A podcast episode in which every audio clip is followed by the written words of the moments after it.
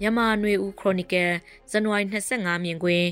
နေချားဆောင်တက် BJP တွေရဲ့ဘက်ပြောင်းဖို့ရွေးချယ်နေတဲ့အနေထားရှမ်းပြည်နယ်တောင်ပိုင်းမှာစတင်လာတဲ့လက်နက်ကင်တိုက်ပွဲတွေဆိုတဲ့စောင်းပါကိုဖတ်ကြားပေးပါမယ်။ကရင်ပြည်နယ်ထဲကထိုင်းနေဆက်မြဝတီမြို့နယ်ထဲမှာအခြေစိုက်ပြီးတရားမဝင်နေဆက်ကုံသွယ်မှုတွေမူရစေဝါတေဆောင်ဖြန့်ချီတာတွေနောက်ပိုင်းကာစီနိုလောင်းကစားဝိုင်းကတဆင့်အွန်လိုင်းငွေလိမ်ချင်းနဲ့ လူကုန်ကူးမှုတွေမှာနိုင်ငံဖြတ်ကျော်ကျူးလွန်တဲ့ရာဇဝတ်မှုတွေကိုလက်နက်ကင်တက်နဲ့အကာအကွယ်ပေးတာတွေလှုံ့ဆော်နေတဲ့ဘုံမှုကြီးစောချစ်သူဦးဆောင်တဲ့ကရင်ပြည်နယ်ကနေချားဆောင်တက်ကစစ်ကောင်စီတပ်ရဲ့လက်အောက်ခံဖြစ်တဲ့ဆက်လက်မရက်တီတော့ဖို့အတိပေးတောင်းဆိုလာတဲ့အဖြစ်ပြက်တွေခုရက်ပိုင်းအတွင်းဖြစ်ပေါ်နေတာဖြစ်ပါတယ်။1988ခုနှစ်စစ်တပ်အာဏာသိမ်းအပြီးလက်နက်ကင်တောခိုသွားကြတဲ့ ចောင်းသားလူငယ်တွေကိုလက်ခံနေရပေးထားတဲ့ KNU ကိုတိုက်ခိုက်ဖို့ပြုတ်ကွဲအောင်ကြိုးစားဖို့ထိုချိန်ကငိန်ပိအစိုးရလို့အရက်ခေါ်ခေါ်ကြတဲ့နဝတစစ်ဆိုရရဲ့ကြိုးပမ်းမှုနဲ့ KNU လက်နက်ကင်အဖွဲ့တွေကအင်အားစုတချို့ခွဲထွက်ပြီးဗုဒ္ဓဘာသာကရင်လက်နက်ကင်တပ်ဖွဲ့အတိုးကောက်အားဖြင့် DKBA ဖွဲ့စည်းပေါ်ထွက်လာခဲ့တာဖြစ်ပါတယ်။1990-95ခုနှစ်တွေမှာကရင်ပြည်နယ်မှာလက်နက်ကင်တိုက်ပွဲတွေနဲ့အတူ အခြေစိုက်စခန်းတွေတင်းယူခဲ့ရမှာ KNU ကခွဲထွက်ခဲ့တဲ့ DKBA ဖွဲ့လဲစစ်အစိုးရဘက်ကပါဝင်တိုက်ခိုက်ပေးခဲ့တာဖြစ်ပါတယ်။ထိုင်းနဲ့မြန်မာနယ်ဆက်ကဒုက္ခသည်တိမ့်နဲ့ချီတဲ့စခန်းတွေပေါ်ထွက်လာတဲ့အကြောင်းရင်းကအဆိုပါစစ်အစိုးရရဲ့ကရင်ပြည်နယ်တွေကစစ်စင်ရေးတွေကြောင့်ဖြစ်ပါတယ်။ဒီစစ်စင်ရေးတွေမှာ DKBA က KNU ရဲ့အတွင်းသည့်အစင်းသည့်ဒေသအခြေအနေကိုတည်ကျွမ်းတဲ့လက်နက်ကင်အဖွဲ့တွေရဲ့အခန်းကဏ္ဍမှာပါဝင်ခဲ့တာဖြစ်ပြီး DKBA ထဲကမှစောချစ်သူဦးဆောင်တဲ့အင်အားစုကထပ်မံခွဲထွက်လာပြီးစစ်အစိုးရက2010ရွေးကောက်ပွဲမတိုင်မီကြိုတင်ပြင်ဆင်မှုအနေနဲ့အပြစ်ရဲ့လက်နက်ကင်အဖွဲ့တွေကိုနေချားဆောင်တက်ဖြစ်အသွင်ပြောင်းပြီးစစ်တပ်ရဲ့အမိန့်ပေးမှုအောက်စစ်တပ်ကအရာရှိတွေကနေချားဆောင်တက်တဲ့တွဲဖက်ထားတဲ့စနစ်ကိုကျင့်သုံးရမှာဘိုးစောချစ်သူဦးဆောင်တဲ့အဖွဲ့ကသဘောတူခဲ့တာဖြစ်ပါတယ်။ နေချဆောင်တက်ဖြစ်အသွင်မပြောင်းလို့တဲ့ DKBA ကတီးခြားကြံခဲ့ပြီး2010နောက်ပိုင်းအပြည့်ရဲ့သဘောတူညီမှုကိုဦးသိန်းစေအစိုးရစစ်တပ်နဲ့ရယူခဲ့ကြတာပါပြန်ချုပ်ကြည့်ရင် BGF ဟာစစ်တပ်ရဲ့သဘောဆန္ဒအတိုင်းသဘောတူပြီးနေဆက်ဒေတာတွေမှာနဲ့ကရင်ပြည်နယ်ကုံသွေးလမ်းကျောင်းတစ်လျှောက်မှာလိုင်စင်မဲ့ကားသေးဆောင်တာမူရက်စေဝါသေးဆောင်တာကရင်နဲ့မွန်ပြည်နယ်ကမြို့တွေမှာအညိုရောင်နဲ့အနဲ့ရောင်စီးပွားလုပ်ငန်းမျိုးတွေနဲ့ ရက်တည်နေတဲ့အဖွဲ့ဖြစ်ပါတယ်။ဒီလိုနိုင်ငံရေးအရာရက်တီချက်ကင်ဆွဲတဲ့မူဝါဒစတာတွေမရှိဘဲစီးပွားရေးအကျိုးစီးပွားနဲ့ရရွာလူထုအပေါ်အာဏာနဲ့အုပ်ချုပ်တဲ့အဖွဲ့အစည်းက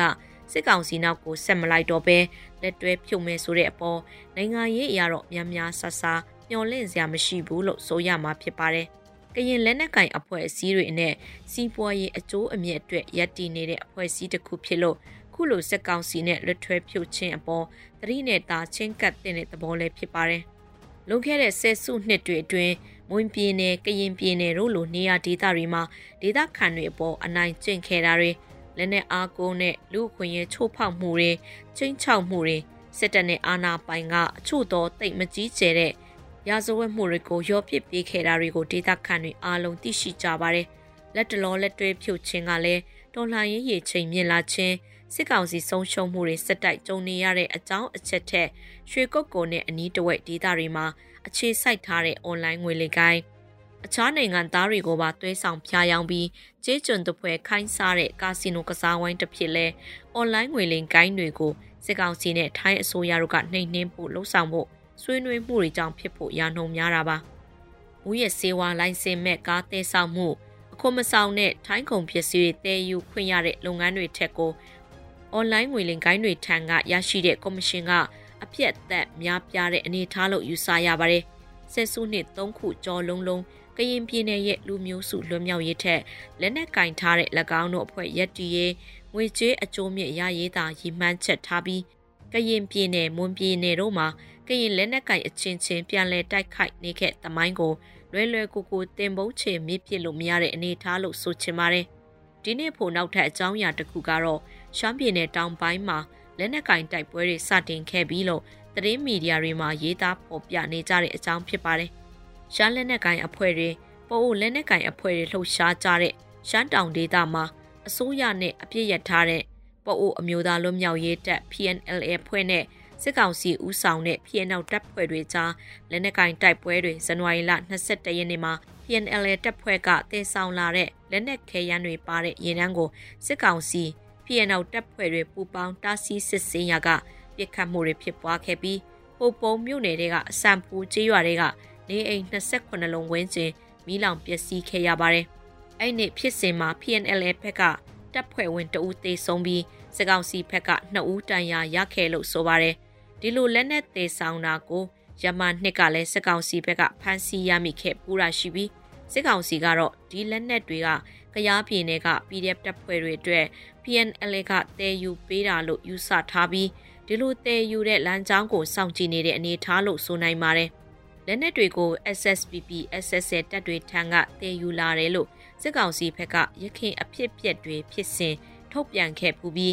SSPP SSL PNL နဲ့ KNDF တို့အကြားကဆက်သွယ်ကူညီမှုတွေလည်းဖြစ်ကောင်းဖြစ်နိုင်ပါတယ်။ဒီအဖြစ်ပြက်က NCA ထိုးထားလို့အပြစ်ရထားတဲ့အနေအထားကိုဆက်လက်ထိန်းသိမ်းထားတဲ့ PNLA ကိုစက်ကောင်စီနဲ့အတီလင်းပြန်လည်တိုက်ခိုက်ဖို့စစ်စော်လိုက်တဲ့အဖြစ်ပြက်ဖြစ်ပြီးဒီလိုရှမ်းပြည်နယ်တောင်ပိုင်းမှာဖြစ်ပွားလာတဲ့တိုက်ပွဲတွေမှာ